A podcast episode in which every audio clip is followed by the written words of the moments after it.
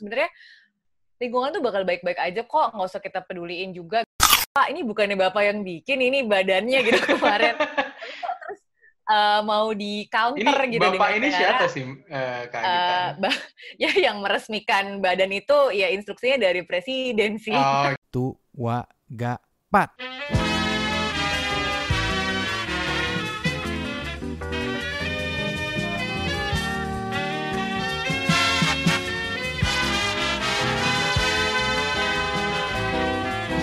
Anda sedang mendengarkan The Bernhard Para Show.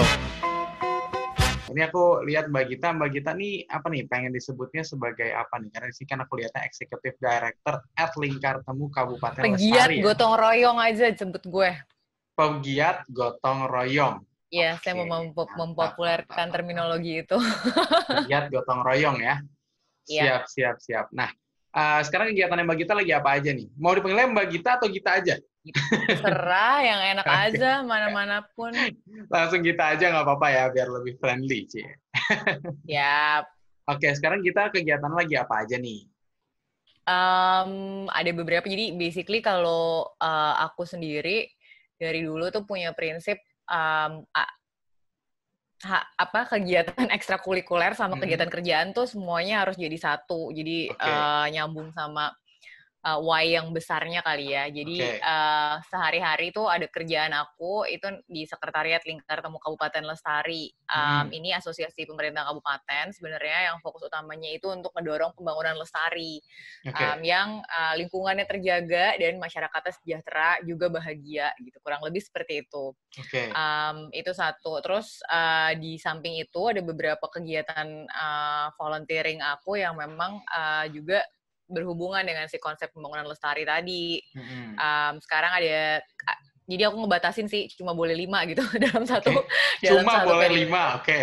iya karena uh, ini baru kita kayak baru perjing kan kalau orang lain uh, Marie Kondo kan baju gitu uh, hmm. aku tuh sempat ada perjing kegiatan memang hmm. jadi tadinya tuh ada sebelas gitu yang aku kerjakan bersamaan okay. jadi sekarang udah dibatasin cuma boleh lima supaya kita uh, bisa ada waktu untuk zen gitu ya ah, okay. um, ada Hutan Itu Indonesia di mana ketemu sama Poppy. Di situ aku bareng sama uh, 10 orang yang lain uh, apa jadi co-founder di Hutan Itu hmm. Indonesia.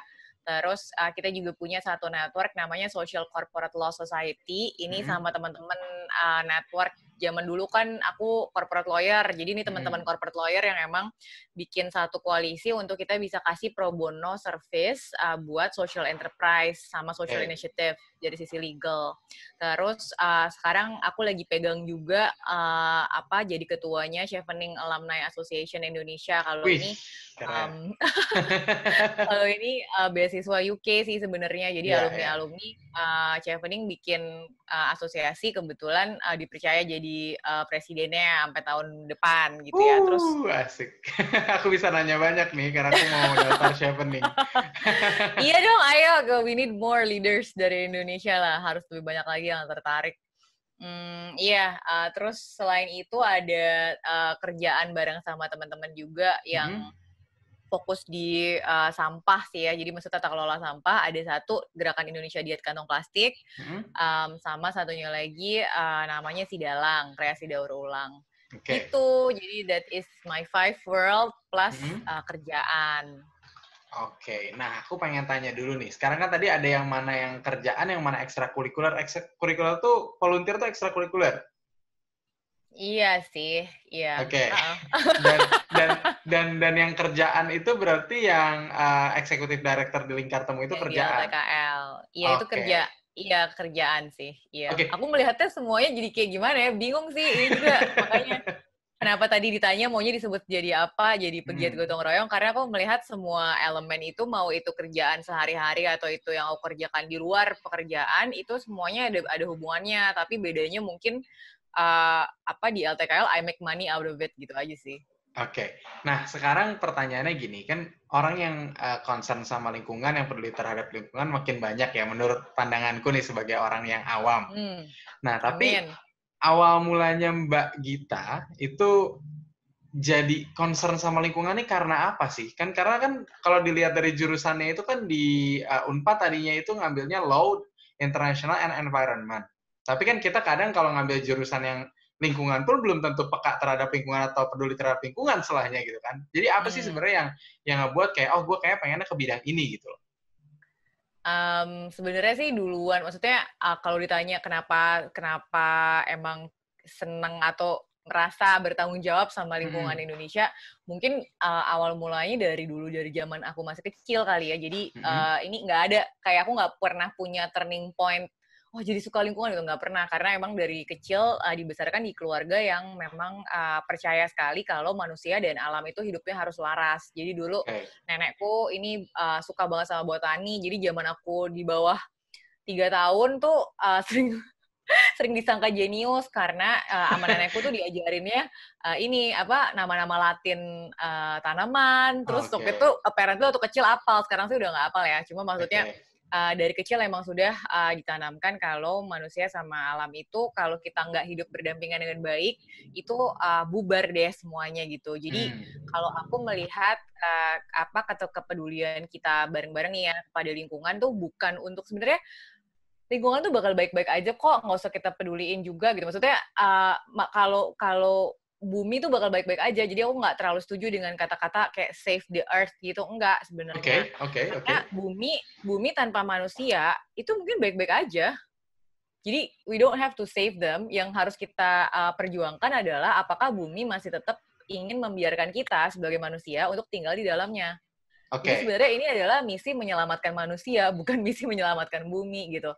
Um, okay. Itu sih jadi maksudnya kalau ditanya uh, kenapa dari zaman dulu uh, terbentuk pemikiran seperti itu karena memang sudah ditanamkan like you have to earn your spot gitu di dalam semesta ini di dalam alam ini kamu tuh sebagai manusia harus membuktikan bahwa kamu tuh worthy untuk ada di sini kepada alam semesta kurang lebih kayak gitu okay, sih okay, okay. jadi um, ya yeah, so I guess uh, emang okay. itu rada-rada rada-rada absurd ya buat banyak orang tapi memang emang gitu sih nilai apa waktu dibes, waktu dibesarkan nilainya kayak gitu aku dulu sempat terobsesi juga pengen jadi psikolog waktu kecil karena uh -huh. uh, aku percaya oh ini kita kayaknya bisa nih nge-brainwash semua orang supaya sayang sama binatang gitu berarti harus pelajarin ilmu psikologi gitu supaya bisa okay. brainwashing semua orang untuk sayang sama binatang gitu ya aku uh, suka nih yang unik-unik gini tapi gini mbak kita uh, oh, kalau iya, kita gitu. ngelihat um, ya gini karirnya kan sebenarnya awalnya itu kan low ya di di bidang hukum gitu kan. Di bidang hukum kan ada orang yang pengen jadi notaris mungkin pengen jadi lawyer hmm. pengen banyak lah istilahnya hal-hal yang bisa dibikin uh, dari jurusan tersebut. Tapi nih uh, titik saat oh ya udah gue mau berkarir istilahnya gue mau dapat uh, apa ya penghasilan sehari-hari dari lingkungan tuh kapan? Apakah pernah berubah dulu dan pengen jadi yang lain dulu? Terus tiba-tiba selain uh, psikolog dan lain-lain tadi ya itu kira-kira yang udah pada benar-benar matang tuh kayak oh ya udah gue pengen bidang ini nih itu karena apa sih? Jadi aku sebenarnya uh, udah sangat matang uh, memilih untuk profesi aku bergelut dengan uh, peraturan itu nomor hmm. satu karena aku sadar aku nggak bisa matematika jadi nggak mungkin jadi psikolog karena dulu okay. kan harus uh, misalnya IPA ya jadi okay. lupakan gitu kan. Terus okay. jadi apa yang kira-kira bisa aku lakukan supaya aku sebenarnya punya kontrol gitu terhadap semua orang dan bagaimana mereka memperlakukan alam sebenarnya okay. gitu. Jadi okay. oh mungkin harus belajar peraturan gitu. Kebetulan uh, seneng ngomong seperti yang bisa dilihat gitu ya sekarang. main seneng ngomong. Terus aku seneng sejarah uh, apa baca tuh kadang-kadang ada orang yang nggak suka baca, nggak suka nggak terlalu suka uh, apa uh, ngapalin kali ya gitu misalnya menghafal gitu-gitu nggak terlalu dan aku nggak ada masalah gitu dari dulu jadi ya udahlah berkutat dengan pasal-pasal dan segala macam kayaknya oke okay, dan uh, apa akhirnya aku SMP sih aku memutuskan untuk kayak oke okay, aku mau jadi mau belajar hukum. Mau belajar hukum mengerti cara membuat peraturan dan kebijakan. Um, terus abis itu aku akan tetap uh, menggunakan ilmu aku itu untuk balik lagi gitu ngebrainwash semua orang untuk mencintai untuk lebih baik sama alam supaya nggak diusir dari alam ini gitu. Supaya okay, worth okay, okay um, itu sih. Jadi uh, mungkin SMP kali ya kalau dari sisi yang dibutuhkan duluan justru jurusannya hukum uh, harus gitu apa pengen pelaj- mempelajari hukum. Um, tapi kemudian kalau ditanya transisi dari sisi profesi aku tuh masuk corporate law, law firm. Jadi uh, apa itu gara-gara pacar sih, jadi nggak ada hubungannya okay. sebenarnya. Loh, kok jadi jauh? iya, benar maksudnya kan tadinya tuh jadi aku uh, apa uh, tugas akhirku tuh tentang perdagangan satwa ilegal gitu. Terus jadi semua orang udah mikir, wah kita nih bakal masuk NGO karena waktu itu juga dapat bahan-bahannya dari WWF dan segala macam uh. gitu ya. Tapi ya namanya juga uh, cinta ya waktu itu. Uh, nemenin pacar lah gitu ikutan interview corporate law firm terus udah gitu eh kok jadi malah masuk gitu terus ya udah dicobain aja. Tapi aku sama sekali nggak nggak menyesali keputusan itu karena begitu aku masuk ke dalam uh, dunia law firm itu itu mengajari aku banyak banget skill yang uh, kepake sampai sekarang uh, dengan dan dan di situ juga aku menemukan bahwa oh ternyata menjadi seorang corporate law firm itu eh corporate lawyer itu masih sangat bisa memperjuangkan misi yang sama untuk uh, berkontribusi kepada alam gitu ya dan memperjuangkan peran kita lah sebagai manusia di bumi ini tuh ternyata jadi corporate lawyer tuh juga bisa berkontribusi di situ gitu. Okay. Uh, aku nggak akan pernah punya pemahaman itu kalau nggak masuk dulu gitu gitu sih. Okay tadi kan ada ada yang menarik nih pernyataannya bumi itu nggak perlu diapa-apain bukan save the earth tapi save the human itself right mm-hmm. yep. nah ini unik banget karena orang semua pasti bilang kayak uh, kita ngomongin earth hour aja kan untuk menyelamatkan bumi ya nggak sih Hmm, mungkin brandingnya iya menyelamatkan hmm. bumi, tapi filosofinya kalau dipikir-pikir lagi, apalagi kalau kita lagi hidup di tengah-tengah pandemi kayak sekarang nih ya, semakin kerasa hmm. kan, hmm. manusia dikasih virus sekecil itu aja udah nggak tahu ngomong ngapain kan, maksudnya udah itu kan kayak udah berubah cara hidup yeah, kita tuh yeah, berubah yeah. banget gitu, uh, sampai kemarin tuh ada sempat yang bikin uh, joke gitu ya, uh, Greta Thunberg, Thunberg sama uh, hmm. uh, Corona dalam memperjuangkan hmm. uh, kepedulian terhadap krisis iklim lebih efektif yang mana gitu. Dan dan itu lebih efektif uh, corona. yang, ya gitu. Jadi begitu begitu corona terjadi maka banyak masalah yang yang selesai. Tapi balik lagi gitu aku ngelihatnya bumi dan ini udah banyak teorinya sih sebenarnya gitu ya. Uh, hmm. apa aku sempat nulis juga kemarin terakhir soal hmm. ini gitu. Uh, apa bumi itu sebetulnya secara uh, kemampuan dia punya daya tampung, daya dukung dan daya lenting. Jadi dia mampu memulihkan dirinya sendiri gitu dari uh, banyak hal yang mengganggu dia gitu. Kayak hmm. dinosaurus gitu misalnya kan lama-lama okay. punah, punah ya karena emang uh, udah nggak sesuai lagi dengan yang dibutuhkan sama ekosistem si bumi itu sendiri. Nah, hmm. manusia juga harus dilihat sebagai um, yang numpang kan sebenarnya hmm. di bumi ini gitu. Uh, jadi kita sendiri harus uh, bilang nih sama bumi gitu. Jadi kalau aku sih ngelihatnya uh, kita sendiri harus baik-baikin bumi untuk bilang bahwa kita tuh di sini nggak mengganggu, kita di sini malah bermanfaat, kita di sini bakal memperjuangkan hal yang sama dan tidak akan membiarkan kamu itu jadinya kehilangan fungsi kamu. Jadi kita juga jangan dijahatin ya gitu. Kasarnya okay, gitu sih. oke okay, oke. Okay. ya saya kayak kita numpang di tanah orang di rumah orang gitu ya, ya. rasanya gimana gitu kan. Karena masyarakat Indonesia ya, kan mungkin kayak... masih masih ini kalau ngomongin kayak jangan ganggu tuh mungkin lebih ke horor dan paranormal ya. Tapi ini bukan tapi ini ngomongin soal ya. lingkungan gitu kan. Nah cuman gini Mbak, uh, kalau kita ngomongin soal lingkungan Iya benar. Tadi Greta Thunberg itu udah udah udah bikin suatu aksi yang besar banget untuk untuk hmm. menurutku yang kayak oh iya gue jadi sadar lagi nih. Tapi ya ya, ya. bener karena gue nggak ngerasain apa-apa dan nggak ada hidup yang berubah banget ya nggak ngefek. Yang ujungnya pas corona jadi ngefek banget. Ini kan dari mata orang yang awam terhadap istilahnya lingkungan lah. Tapi gini hmm. kalau kita ngelihat save the earth to save human berarti kan ya. Intinya kan yep. ujungnya karena akarnya kan kita hasilnya buat manusia lagi gitu kan. Mm-hmm. nah Waktu itu gue juga pernah belajar karena tahun lalu gue jadi jurnalis di salah satu media. Yeah. Di situ gue belajar kalau misalnya emisi bumi itu kan terus meningkat. Mm-hmm. Yang akhirnya jadi pemanasan global. Jadi kita yeah. harus ngepres lah istilahnya emisi bumi itu agar lebih kecil lagi dan katanya tuh waktu itu optimisnya tuh berapa persen gitu satu atau dua persen gitu untuk untuk untuk untuk di press uh, emisi bumi. Dua derajat nggak boleh lebih dua derajat sorry. derajat. Ya, kalau saya udah satu setengah derajat nggak boleh ya. lebih dari satu setengah derajat peningkatan. Nggak boleh lebih dari satu setengah derajat. Terus katanya kan tapi seharusnya tuh bukan satu setengah derajat seharusnya tuh berapa gitu. Pokoknya lebih gede dari satu setengah derajat di mana satu setengah derajat yang nggak maksimal aja itu sudah seems impossible gitu. Iya ya. Iya, dan ini maksudnya si corona ini memperlihatkan sekali sih bagaimana uh, maksudnya kan uh, balik lagi ya kalau aku uh, juga hampir nggak pernah keluarin statement bahwa oh corona ini blessing buat buat buat bumi gitu. Hmm. Sebenarnya enggak sih karena uh, ini nggak fair juga gitu. Uh, karena yang paling terdampak kan teman-teman yang uh, termarginalkan gitu ya maksudnya nggak bisa juga kita bilang oh ini syukurlah nggak apa-apa yang yang banyak yang banyak yang meninggal nggak apa-apa nggak bisa kayak gitu juga yeah, nah uh, apa uh, tapi memang secara data saat ini uh, emisi emisi tingkat emisi global itu turun paling drastis gitu. Uh, um, selama quarter ini yang gimana uh, kayaknya seluruh dunia berhenti gitu ya aktivitasnya berubah sama sekali. Tapi itu aja bahkan dia sudah turun uh, secara drastis saja, dia masih belum cukup sebetulnya uh, apabila dibandingkan dengan yang tadi uh, sempat dirimu bilang soal harusnya tuh uh, lebih drastis lagi turunnya dan turunnya juga konsisten. Jadi kan dibayangin sekarang nih lagi pause gitu, yang ditekan tuh tombolnya tombol pause bukan hmm. tombol stop. Yeah. Begitu pause gitu kan, oke ini turun ya. Tapi begitu dia udah bisa play lagi, playnya ya udah biasa lagi, jadi naik lagi gitu. Uh, padahal harusnya uh, pause-nya itu berulang-ulang gitu. Jadi atau malah stop sekaligus supaya konsisten turunnya. Nah ini gimana caranya? Mungkin uh, kita mesti balikin lagi sih uh, momen ini mungkin saat yang tepat untuk melihat kembali kemarin tuh cara hidup kita tuh udah cukup baik belum sih buat bumi gitu. Uh, hmm.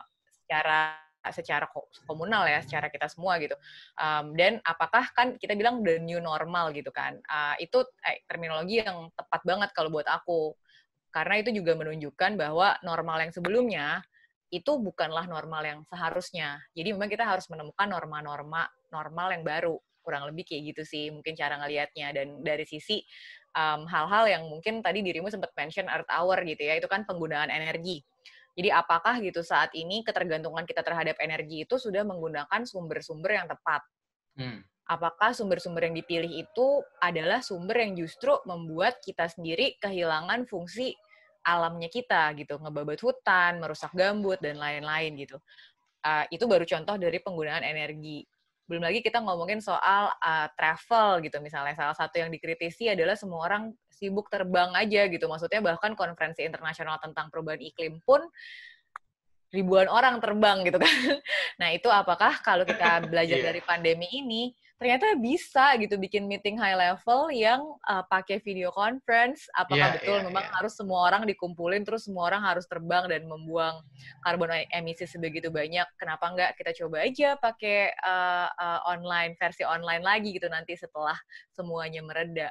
Uh, banyak sih yang shifting yang apa dari sisi lifestyle yang yang yang kita bisa pikirkan gitu perubahan-perubahan yang mungkin bisa kita jadikan kebiasaan ya um, di era baru nanti gitu kurang lebih uh, supaya buminya juga sadar oh ini orang ternyata usaha juga nih untuk tetap tinggal di sini.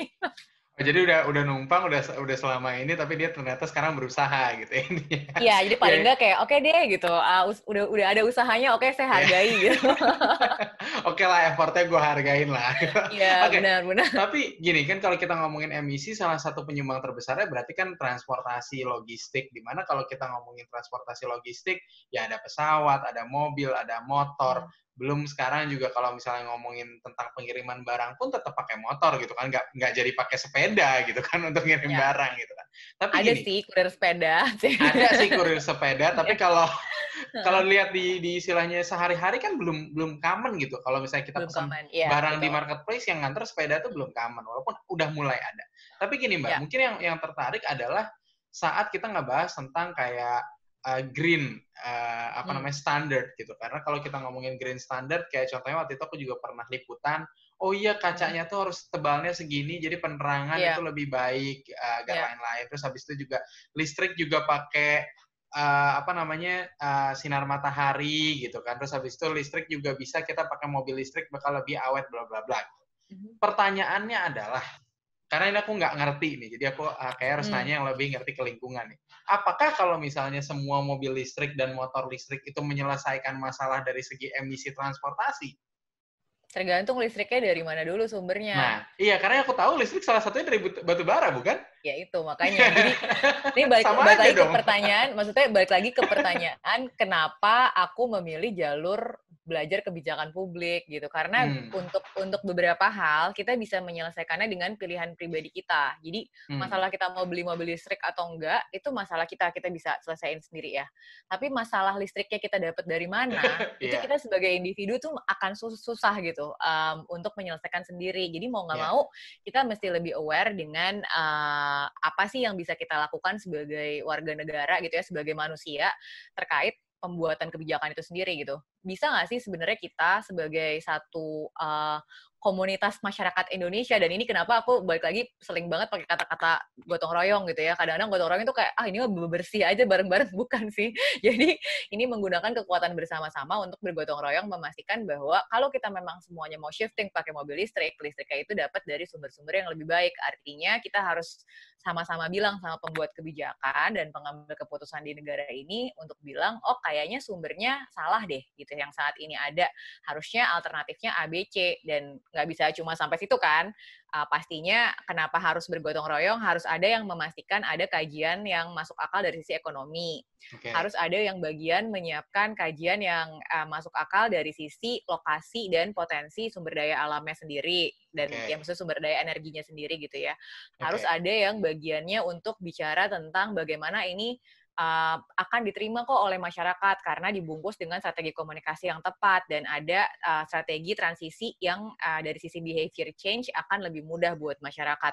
Banyak banget angle-angle yang harus dipersiapkan cuma untuk menjawab pertanyaan kamu yang tadi aja gitu. Gimana caranya memastikan yeah. kalau kita shifting ke mobil listrik itu tuh pilihan yang memang betul gitu.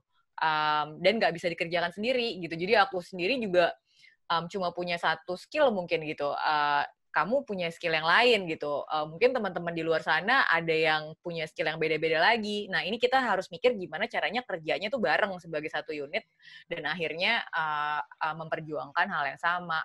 Gitu sih mungkin yang um, apa jawaban panjang dari pertanyaan yang barusan.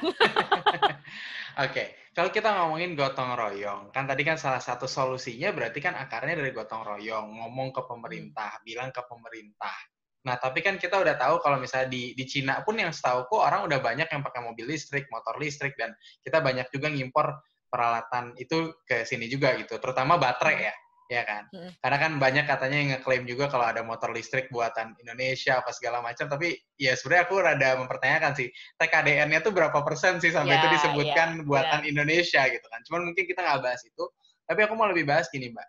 Misalnya motor listrik itu sudah uh, sumber listriknya itu sudah dari listrik yang green, itu mm -hmm. jadi uh, dikatakan green itu listriknya itu saat udah apa, dan apakah itu suatu satu solusi, satu-satunya solusi, atau ada solusi yang lain?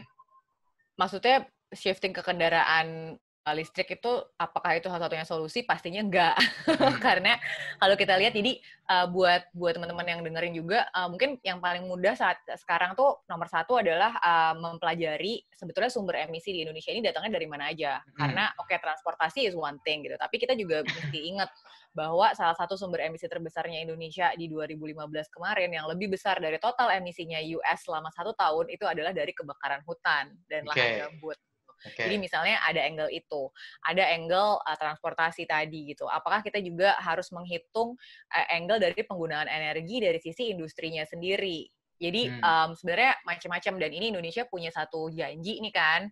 Kita pernah berjanji yang uh, uh, dituangkan dalam satu dokumen namanya Nationally Determined Contribution (NDC). Hmm. Jadi ini janji kita pada dunia bahwa kita akan memotong emisi kita sebanyak 29% dengan usaha sendiri dan 41% kalau dibantu sama pihak-pihak uh, lain gitu. Dan kita udah okay. dapat banyak bantuan dari pihak lain. Jadi uh, estimasinya mestinya lebih naik nih sampai dengan 41 persen. Dan itu bisa dibagi dari uh, berbagai macam sektor. Contohnya yang tadi aku sebutkan Um, dan dari situ kita mulai bisa mengurai gitu. Kalau Indonesia sudah punya janji, itu kan sebenarnya sudah ada pathway-nya ya. Dari sisi janji itu sendiri mau diturunkannya seperti apa.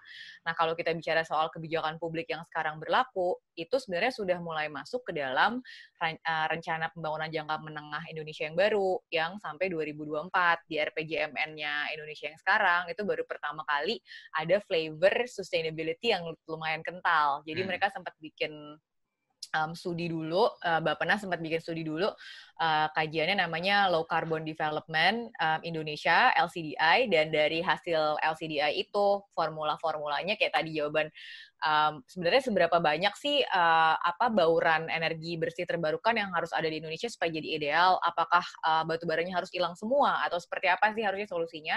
Itu sebenarnya sudah uh, uh, cukup lumayan uh, masuk ke dalam rencana pembangunannya Indonesia sendiri yang sekarang. Rencana nah, tapi belum dilaksanakan atau gimana, Mbak?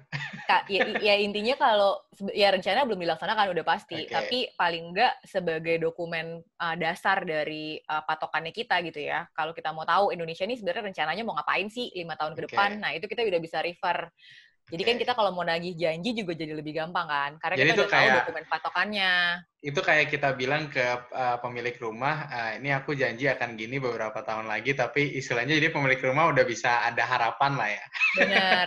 Dan okay. dan dia juga kan uh, apa apa kasih janjinya itu bertahap. Tahun pertama hmm. ngapain, tahun kedua ngapain, jadi selalu bisa dicek. Nah ini uh, sebenarnya jadi amunisi juga sih untuk kita bareng-bareng gitu yang di luar sistem nih ngelihat, oh pemerintah janjinya tahun ini uh, targetnya ABC terkait uh, penggunaan energi misalnya gitu. Apakah itu sudah berhasil dipenuhi atau misalnya enggak? Yang baru-baru ini rame misalnya gitu kan, for the sake of jadi kan Indonesia soal kebakaran hutan lahan gitu ya yang tadi ya.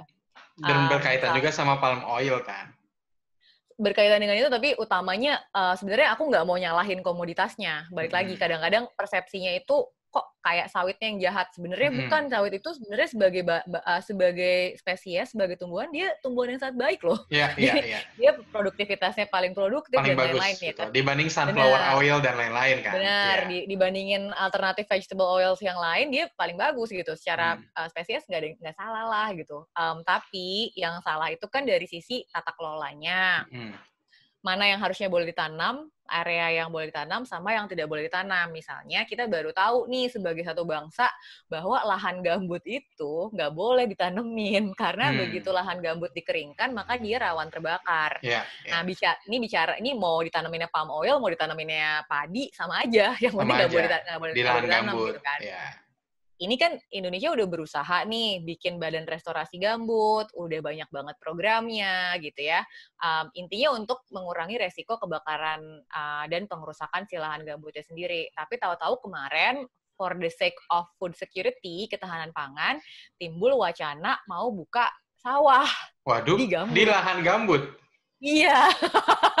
Jadi ini kan semuanya langsung bingung ya kayak loh Pak ini bukannya Bapak yang bikin ini badannya gitu kemarin uh, mau di counter ini, gitu Bapak ini siapa sih uh, Kak uh, ya yang meresmikan badan itu ya instruksinya dari presiden sih. Oh, oke oke oke. waktu keluar agenda dari uh, apa kepala negara juga dari Bapak Presiden juga untuk bilang kayak ya udah kita kan kurang uh, ketahanan pangannya harus dijaga nih karena kita akan krisis dan pandemi segala macam ya udah kita bikin sawah baru aja dan sawah-sawahnya ini bisa ditaruh di Kalimantan Tengah salah satu uh, daerah yang memang uh, areal gambut kak jadi hmm. semuanya langsung bingung gitu ini um, satu apakah benar ketahanan pangan uh, itu harus diselesaikan hanya dengan um, pagi gitu ya hmm. yang nomor dua uh, sebetulnya area yang paling tepat apakah betul di situ kalau memang mau uh, membuka sesuatu yang baru apakah nggak hmm. lebih baik kita intensifikasi aja meningkatkan produktivitas yang sudah ada gitu kan hmm. um, dan apakah nggak sayang gitu sesuatu yang udah diperjuangkan uh, sejak uh, mungkin tiga empat tahun yang lalu gitu untuk konservasi gambut um, akhirnya jadi uh, di ditarik mundur gitu ya dengan uh, langkah seperti ini jadi itu sih kak maksudku um, kita sebagai orang yang di luar sistem juga kalau udah punya rencana tuh lebih enaknya kayak gitu. Jadi kita udah tahu nih yang dijanjiin apa dan kalau ada yang kurang lebih keluar jalur dari janjinya kita udah bisa langsung bisa nanya gitu loh. Kan rencananya gini, kok keluarin kebijakan yang bertentangan sih gitu. Gimana? Um, solusinya bagaimana? Tapi tentunya um, esensinya adalah uh, karena tadi kita bicara gotong royong, balikin lagi ke jalur solusi gitu ya uh, bukan hanya untuk kayak salah nih Pak begini begini begini. Bukan begitu gitu tapi iya karena karena pasti presiden juga mikirin ekonominya kesehatan dan lain-lain kan? Benar Cuman, iya. enggak gini loh misalnya kalau kita ngomongin apakah kebijakan tersebut misalnya oh iya di lahan gambut nanti ada ada kebakaran hutan lagi dan lain-lain. Tapi sebenarnya berarti solusi lainnya apa gitu? Opsinya apa gitu ya itu tadi. Jadi sebenarnya kan kita bisa lihat dulu kalau kita bicara soal ketahanan pangan, kita lihat dulu eh, kebutuhan yang paling besar itu misalnya untuk untuk makanan pokok. Oke, apakah di seluruh Indonesia ini makanan pokoknya cuma nasi? Jawabannya hmm. enggak gitu. Uh, di banyak tempat teman-teman makannya sagu, ada sorghum, yeah. dan itu banyak banget pangan-pangan lokal yang sebetulnya bisa direvitalisasi lagi gitu. Bicara tentang new normal nih ya, mungkin yeah. new normal buat Indonesia adalah tidak lagi menggantungkan keseluruhan bahan makanan pokok itu hanya kepada nasi misalnya, tapi lebih ke arah mempopulerkan kembali apa yang sebetulnya dimakan oleh nenek moyang kita dan merupakan tanaman endemik dari lokasi-lokasi tertentu kita balikin lagi dan justru itu yang disupport oleh pemerintah supaya akhirnya jadinya pemerataan. Dan ini juga mungkin bisa menjawab gitu.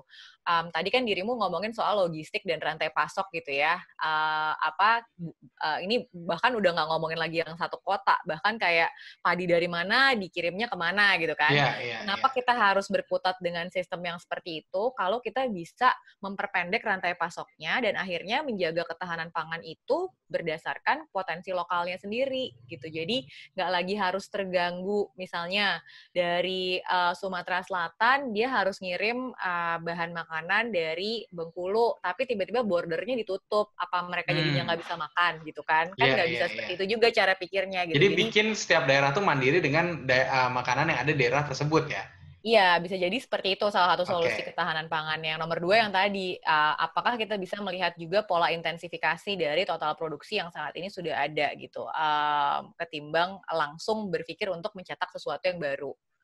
Okay, um, kurang okay, lebih okay. gitu sih. Jadi istilahnya ini oh, banyak banget ya variabelnya karena kalau kita ngomongin soal banyak. lingkungan berkaitan sama ekonomi, berkaitan ekonomi tadi sama transportasi, transportasi Benar. berkaitan sama ngubah cara makan orang yang tadinya makan nasi dari yang lain berarti ngomong ke edukasi ngomong iya. lagi ke budaya, ngomong lagi ke lain-lain. Oke, oke, iya. aku aku nangkep nih kenapa harus gotong royong gitu kan. Tapi kalau kita ngelihat, jadi sebenarnya Indonesia ini baiknya harusnya makannya makannya itu apa kalau bukan nasi kak? Apakah semuanya uh, lebih baik sama? Dan kalaupun ada sama tuh apa? Dan kalau tiap daerah tuh gimana sih ada gambaran ya? Sebenarnya kalau dari sistem pangan ke depan gitu ya, dan kita juga kan karena di LTKL kita mulai mikirin konteks ini juga gitu, bagaimana sih kita sebenarnya me, uh, melihat masing-masing kabupatennya LTKL tuh paling nggak bisa bisa aman dulu deh gitu dari sisi hmm. uh, jangan sampai ada yang ada yang nggak bisa makan gitu. Sebetulnya secara sistem kebijakan uh, untuk ketahanan pangan ya, saya juga aku juga nggak bilang pemerintah tuh nggak ngapa-ngapain gitu dari yeah. Dari awal banget memang sudah ada peraturan di mana ada keharusan untuk setiap daerah itu menjamin ketahanan pangannya dan harus ada selalu cadangan ketahanan pangan supaya kalau pada saat krisis seperti ini tidak langsung jadinya ambiar gitu semuanya. Dan itu uh, di masing-masing daerah juga berjalan dengan baik. Kita kemarin baru saja diskusi dengan Kabupaten Sigi di Sulawesi Tengah, Kabupaten Bone Bolango di Gorontalo, member-membernya LTKL lah ya. Dan hampir semua bilang sampai sejauh ini dari sisi cadangan pangan uh, masih mencukupi, tapi kemudian uh, yang mulai uh, menjadi kekhawatiran adalah kalau mereka misalnya nggak apa tidak uh, memproduksi semuanya dari dari dalam daerahnya mereka sendiri. Jadi misalnya uh, makanan pokoknya diambil dari tempat lain, sayurnya diambil dari tempat lain, um, uh, rempah-rempahnya mungkin ada beberapa yang ketergantungan dari tempat lain. Nah itu pada saat lim, apa ada limitasi pergerakan yang harus dipikirkan adalah oke okay, kita harus cari alternatif yang ada di tempat kita gitu. Makanya sekarang jadinya gerakan yang uh, digalakkan bersama-sama adalah mengenali kembali potensi dasar dari masing-masing daerah. Kalau Dan itu belum dikenali, benar-benar tahu apa berarti belum ada, bagaimana? dat secara data uh, eh, KLHK Kementerian Lingkungan Hidup Kehutanan itu sebenarnya punya uh, banyak sekali basis data uh, keanekaragaman hayati di seluruh Indonesia. Kementerian Pertanian juga punya sebetulnya data uh, apa saja sih sebetulnya komoditas yang jadi uh, komoditas lokal di masing-masing daerah. Tapi hmm. sering kali kan kita nggak cuma berkutat dengan apa yang ada, tapi apa yang orang percaya bisa menjadi sesuatu yang sehat dan baik dan aman buat mereka gitu ya. Jadi hmm. balik lagi gitu.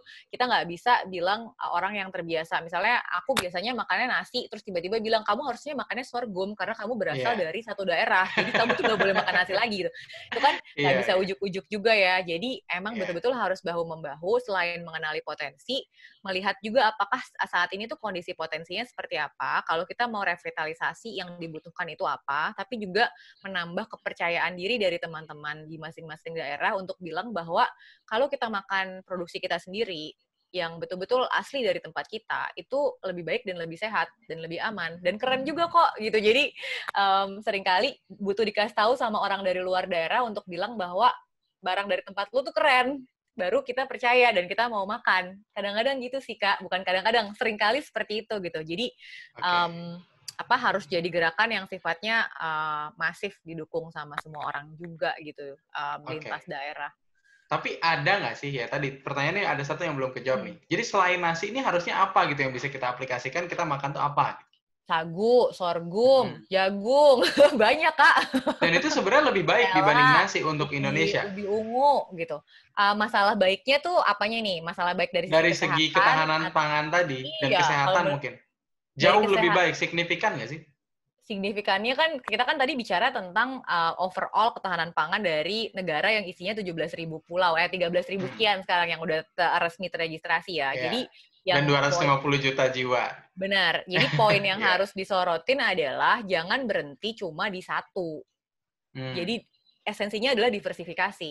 Diversifikasinya apa? Itu yang harus kita figure out bersama-sama gitu. Tapi jangan uh, stuck gitu. Jangan stuck di satu opsi saja dan meniadakan opsi-opsi yang lain. Padahal hmm. itu adalah opsi yang sebetulnya harus dijadikan uh, bahan pertimbangan juga. Sebenarnya itu sih esensinya gitu um, kalau masalah visibility gitu ya, um, ini banyak orang yang jauh lebih ahli dari aku, tapi setidaknya kita udah bisa mengidentifikasi dari kabupaten kita aja, itu udah ada alternatif uh, makanan pokok sampai dengan enam jenis gitu, dan itu betul-betul hmm. masih dimakan sehari-hari oleh orang-orang di sana, dan itu kita bisa betul-betul jadikan gerakan untuk merevitalisasi kepercayaan diri bahwa makan yang asli dari tempat kalian tuh keren gitu. Iya, iya, iya, iya. Karena kalau kita ngomongin semuanya makan nasi, masyarakat Indonesia rata-rata makan nasi dan nggak lengkap makanan pokok kalau nggak makan nasi. Tapi kan Benar, kalau kita ngomongin udah... diversifikasi, berarti kan di sini ngelihat kayak Indonesia aja beras masih impor kan ya? ya berarti kan kalau kita ngelihat beras impor, ya istilahnya cara menekan impor salah satunya diversifikasi ke barang lain yang mungkin kita kelebihan dan dan bisa menjadi diversifikasi kita ya nggak sih? Betul dan kita tidak menyadari kak bahwa kita kelebihan karena kita tidak kelebihan apa sih kita? Sebenarnya kita kelebihan apa sih? Kayak misalnya ubi ungu gitu ya, ubi ungu. Hmm. Kalau di kita lihat di negara-negara lain gitu misalnya, uh, kentang itu makanan pokok kan? Jadi hmm, maksudnya ya, French fries gitu. French fries is makanan pokok kan gitu. Di tempat Di sini tempat French fries campur nasi. Iya, nah itu kan. Jadi ya, ya. Uh, apa paradigmanya gitu. Tadi kita ngobrolin sampai ubi ungu itu ternyata di daerah beberapa hmm. daerah juga itu kan potensinya tinggi ya dan itu sebenarnya bisa jadi pengganti. Ya. Tapi mungkin aku mau nge-flashback sedikit nih dari omongan hmm. kita tadi kita kita kan tadi ngomongin soal uh, kita tuh orangnya yang nggak setuju sama safe uh, di Earth-nya, tapi lebih setuju sama save human itu sendiri. Oke, itu udah terjawab tadi. Tapi ada satu yang nggak terjawab. Kalau corona ini sebenarnya uh, blessing in disguise. Kenapa nggak setuju dengan itu? Sebenarnya nggak, oke, okay, aku nggak setuju sama framingnya. Kalau hmm. dari sisi dampak, memang udah kelihatan. Maksudnya datanya juga udah keluar sih. Beberapa hmm. studi udah menunjukkan bahwa uh, tingkat emisi kita turun drastis. Terus hmm. abis itu um, apa banyak satwa yang jadinya sekarang bisa roaming around, bisa keluar gitu segala yeah, macam yeah, yeah. itu oke. Okay. Tapi um, aku cuma nggak setuju sama narasi mensyukuri ini semua sebagai sesuatu yang sifatnya adalah blessing karena um, pengorbanannya terlalu berat sih dari sisi kita juga mengor apa harus ada yang um, teman-teman yang kehilangan yang tersayang, harus ada teman-teman nakes yang tetap berjuang setiap hari yeah. gak aman gitu. Maksudnya itu tuh um, ya intinya aku tidak akan merayakan ini gitu. Tidak akan merayakan kan ada so soalnya kemarin sempat jadi perdebatan juga gitu kan antara orang-orang um, yang melihat ini sebagai gila ini kita uh, apa uh, apa harus bersyukur malah gitu. Ada terjadi pandemi seperti ini begini begini begini gitu. Kalau aku melihat ini sebagai ini adalah ujian gitu. Kita mau mengambil pembelajaran atau tidak dari sini dampak hmm. sudah pasti um, terlihat dan kita udah bisa melihat dari mata kepala sendiri bagaimana kalau kita mengganti cara hidup kita itu ternyata uh, besar sekali um, apa uh, dampaknya buat alam. Masalah kita mau ngambil dari pelajaran itu atau enggak nanti ke depannya itu sih yang sebenarnya harusnya jadi fokus gitu instead of men, uh, me, mensyukuri bahwa pandemi ini terjadi gitu. Lebih ke framing ya kalau itu Iya iya, jadi lebih ke framing mana yang lebih uh, ini ya istilahnya bukan bukan hanya uh, blessing in disguise tapi intinya emang ada beberapa positivitas tapi ya banyak juga hal yang harus dikorbankan kayak orang-orang jadi pada uh, di PHK dan lain-lain gitu kan dan ya, ya itu balik ya. lagi ke new normal tadi. Tapi sekarang kita ngomongin kan tadi um, kita ini penggiat gotong royong gitu, ya kan? Ada yeah. apa dengan gotong royong sampai harus ada penggiatnya gitu yang harus nge-push itu agar emang kenapa masyarakat kita nggak mau gotong royong? Um, sebenarnya sih uh, lebih ke kayak gini sih. Kalau ini lebih ke teorinya ya. Aku juga hmm. karena aku mengerjakan banyak hal yang akhirnya berkaitan dengan bagaimana sih kita misalnya punya satu misi gitu ya. Hmm. Um, let's say yang tadi gitu. Misinya adalah membuat semua orang di uh, apa beberapa kabupaten itu makan makanan pokok yang sesuai dengan uh, apa kearifan lokal di sana gitu misalnya. Hmm. Itu itu satu satu misi gitu. Tapi kan balik lagi itu nggak bisa diselesaikan sendiri. Nah, sering kali itu memang perlu ada semacam uh, kalau kita bicara orkestra harus ada dirijennya gitu. Jadi hmm. harus ada yang ngasih tahu, oke okay, sekarang kamu uh, bagian uh, main trompet uh, mainnya sekarang, biola nanti ya, abis itu nanti hmm. pianonya gini supaya kejadiannya jadi simfoni yang bagus kan. Yeah. Nah, itu ternyata ada teori di belakangnya. Satu teori yang sering banget aku pakai namanya teori kolektif impact atau kalau Indonesia um, kita sendiri di Indonesia sih sebenarnya udah punya teori itu dari zaman Soekarno bikin Pancasila sebenarnya. Teori gotong royong ini gitu sebenarnya kan. Um, katanya uh, Pancasila kalau di, di, disarikan menjadi satu esensi esensinya itu adalah gotong royong sebetulnya yeah. gitu ya.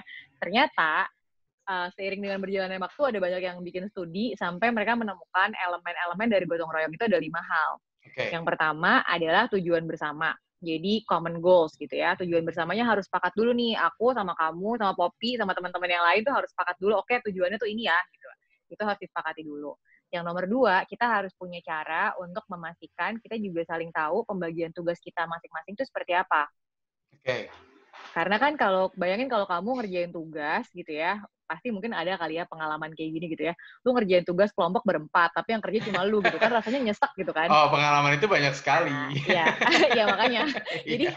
jangan sampai kejadian kayak gitu gitu. Ah, hmm. Ah, gimana caranya semua orang sepakat dengan pembagian tugas masing-masing. Tugasnya nggak perlu sama rata semuanya dan nggak perlu sama semuanya, tapi kita sama-sama percaya bahwa itu saling memperkuat perjalanan kita menuju tujuan bersama tadi gitu ya. Itu nomor dua pembagian tugas yang jelas. Yang nomor tiga, kita juga harus menyepakati cara untuk mengukur keberhasilan kita atau kegagalan kita. Hmm. Jadi versi keberhasilan kamu sama versi keberhasilan aku tuh harus sama. Jadi jangan sampai kita berhasil, uh, kita berantem gara-gara menurut kamu berhasil, menurut aku gagal. Okay, gitu. okay, okay. Itu dari awal cara untuk measure, measuring, cara untuk mengukur keberhasilan dan uh, apa kegagalan itu mesti matriksnya tuh sama gitu. Jadi okay. kita tidak memperdebatkan itu, memperdebatkan itu lagi di depannya. Yang nomor empat itu ngomongin soal komunikasi, Kak. Ini salah satu yang kesannya gampang padahal susah gitu.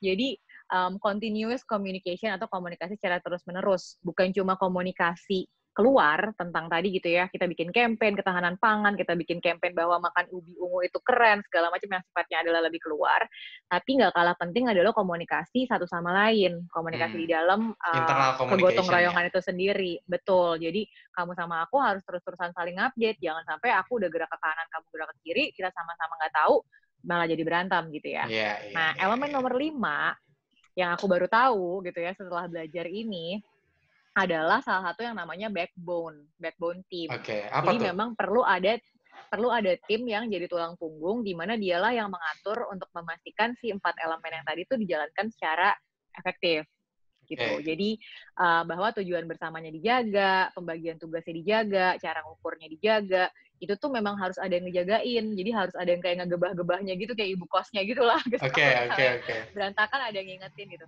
Nah, itu ternyata adalah satu profesi yang legit gitu. Maksudnya um, orang udah menjadikan ini sebagai sa uh, satu profesi yang kadang-kadang di Indonesia sendiri kita melakukan ini secara tidak sadar. Kayak aku yakin hmm. banget gitu. Kamu waktu mulai podcast ini kan mungkin nggak uh, tadinya sendirian lama-lama jadi tim gitu kan. Iya, yeah, iya. Dan itu yeah. cara nggak sadar misalnya salah satu dari kalian itu menjadi uh, perekatnya gitu untuk memastikan hmm. eh lu belum bikin skrip belum jadi tuh gitu atau narasumber belum dikontak gitu ada yang ngingetin gitu. Yeah, nah yeah. itu um, peran itu sering kali uh, dianggap sebagai peran yang otomatis udah ada padahal nggak seperti itu gitu. Uh, kita banyak belajar dari keberhasilan gerakan-gerakan yang saat ini uh, achievementnya udah luar biasa dan satu kesamaan yang mereka punya itu memang ada backbone-nya di dalamnya. Makanya uh, aku lagi berusaha mencari cara gitu mempopulerkan terminologi pegiat gotong royong sebagai si back uh, apa kata padanan Indonesia bahasa Indonesia dari si backbone team itu. Supaya teman-teman yang menjalankan profesi ini community organizing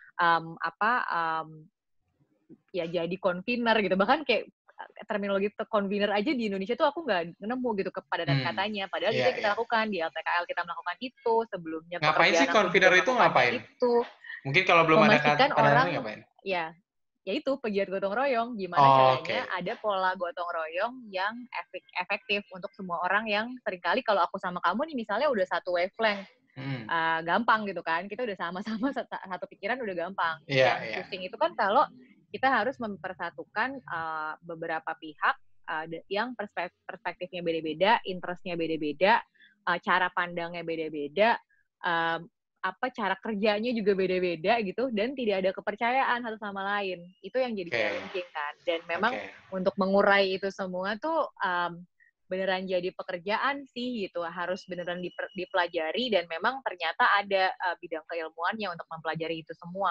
gitu uh, balik lagi ke apa ya kata orang um, full circle karena ternyata ilmu yang aku pakai sekarang tuh jauh lebih dekat ke psikologi daripada ke kebijakan hmm. publik. Jadi balik lagi ke cita-cita waktu zaman anak kecil.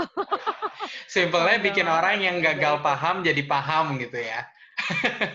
um, simpelnya bikin orang yang uh, karena kalau pemahaman tuh udah tingkat ketiga kalau di teori tuh ya. Okay. Yang pertama tuh uh, dia harus paling enggak nggak resisten dulu. Oke, jadi dia nggak menolak lah ya, dia dia mau ya. gitu ya. Oke. Dia nggak menolak dulu gitu ya. Ba uh, setelah nggak menolak, baru bisa naik ke mulai tertarik gitu, pengen tahu. Oke. Curious nah, lah ya. dari mulai penasaran. Ah, curious dulu gitu okay. kan, penasaran, kepo-kepo dulu gitu. Dari kepo baru naik lagi uh, stage-nya.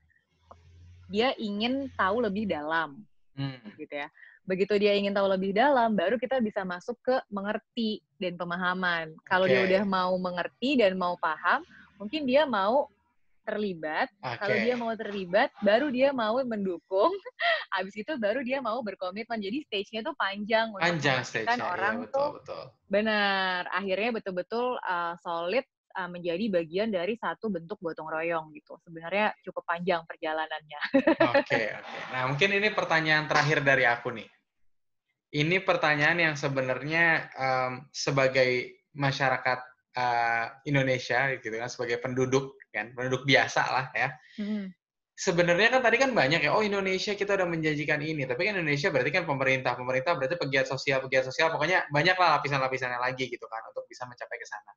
Cuman kalau kitanya nih, kitanya sebagai masyarakat yang hmm. istilahnya hanya pekerja biasa, terus juga istilahnya bukan pegiat sosial gitu kan, sebenarnya jadi ada nggak sih langkah-langkahnya untuk membantu bumi menjadi lebih baik lagi yang pastinya ujungnya membantu manusia menjadi lebih baik lagi? Hmm. Sebenarnya kita itu bisa ngapain gitu? Kalau aku sih sebenarnya pengen yang pertama dari statement barusan uh, aku melihatnya kita semua itu uh, peran-peran dan ke, ke kesempatan untuk berkontribusinya itu ada semua. Balik lagi okay. ke pola yang tadi ya. Peran kita beda-beda tapi kontribusinya tetap ada jadi nggak hmm. ada istilah kayak karena kita pekerja biasa maka kita tidak bisa ABC nah, gitu. Cuman mungkin karena, commonnya uh, gitu kayak kayak sebenarnya kayak secara umum sebenarnya yang bisa dilakukan masyarakat tuh apa gitu yang semuanya tuh bisa pekerjaannya apa pun gitu.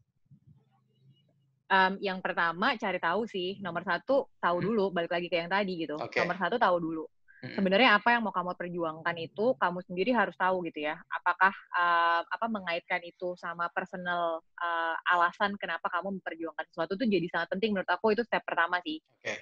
karena akan susah untuk kamu merubah kebiasaan kamu kamu kalau kamu nggak tahu persis kenapa. Okay. Apakah itu karena misalnya pengen anak kamu hidupnya lebih aman, atau kamu pengen orang tua kamu uh, bisa bernafas lebih baik, apa pun itu cari tahu dulu esensinya balik lagi ke diri kamu uh, itu kenapa. Okay. Setelah itu step kedua adalah banyak-banyak rajin cari informasi gitu. Karena hmm. kalau sekarang uh, udah nggak ada lagi alasan di mana kita bisa bilang saya nggak tahu harus ngapain karena udah banyak banget arus informasi di luar sana. Salah satunya uh, serial YouTube-nya uh, Benhard. Oh iya. jadi Amin. Jadi iya. sekarang uh, arus informasi itu udah banyak banget. Yeah. Ada ini, ada ada ada Google, ada YouTube, ada podcast, ada yeah, macam-macam. Mediumnya udah beragam lah. Udah yeah. banyak banget gitu ya uh, untuk cari tahu. Dan uh, yang nomor tiga sebetulnya lebih banyak berjejaring. Uh, hmm. Maksudnya kalau kamu ngerasa misalnya kamu adalah karyawan di satu perusahaan yang agak susah untuk menyampaikan pendapat kamu ke pemerintah misalnya. Iya, yeah, iya. Yeah.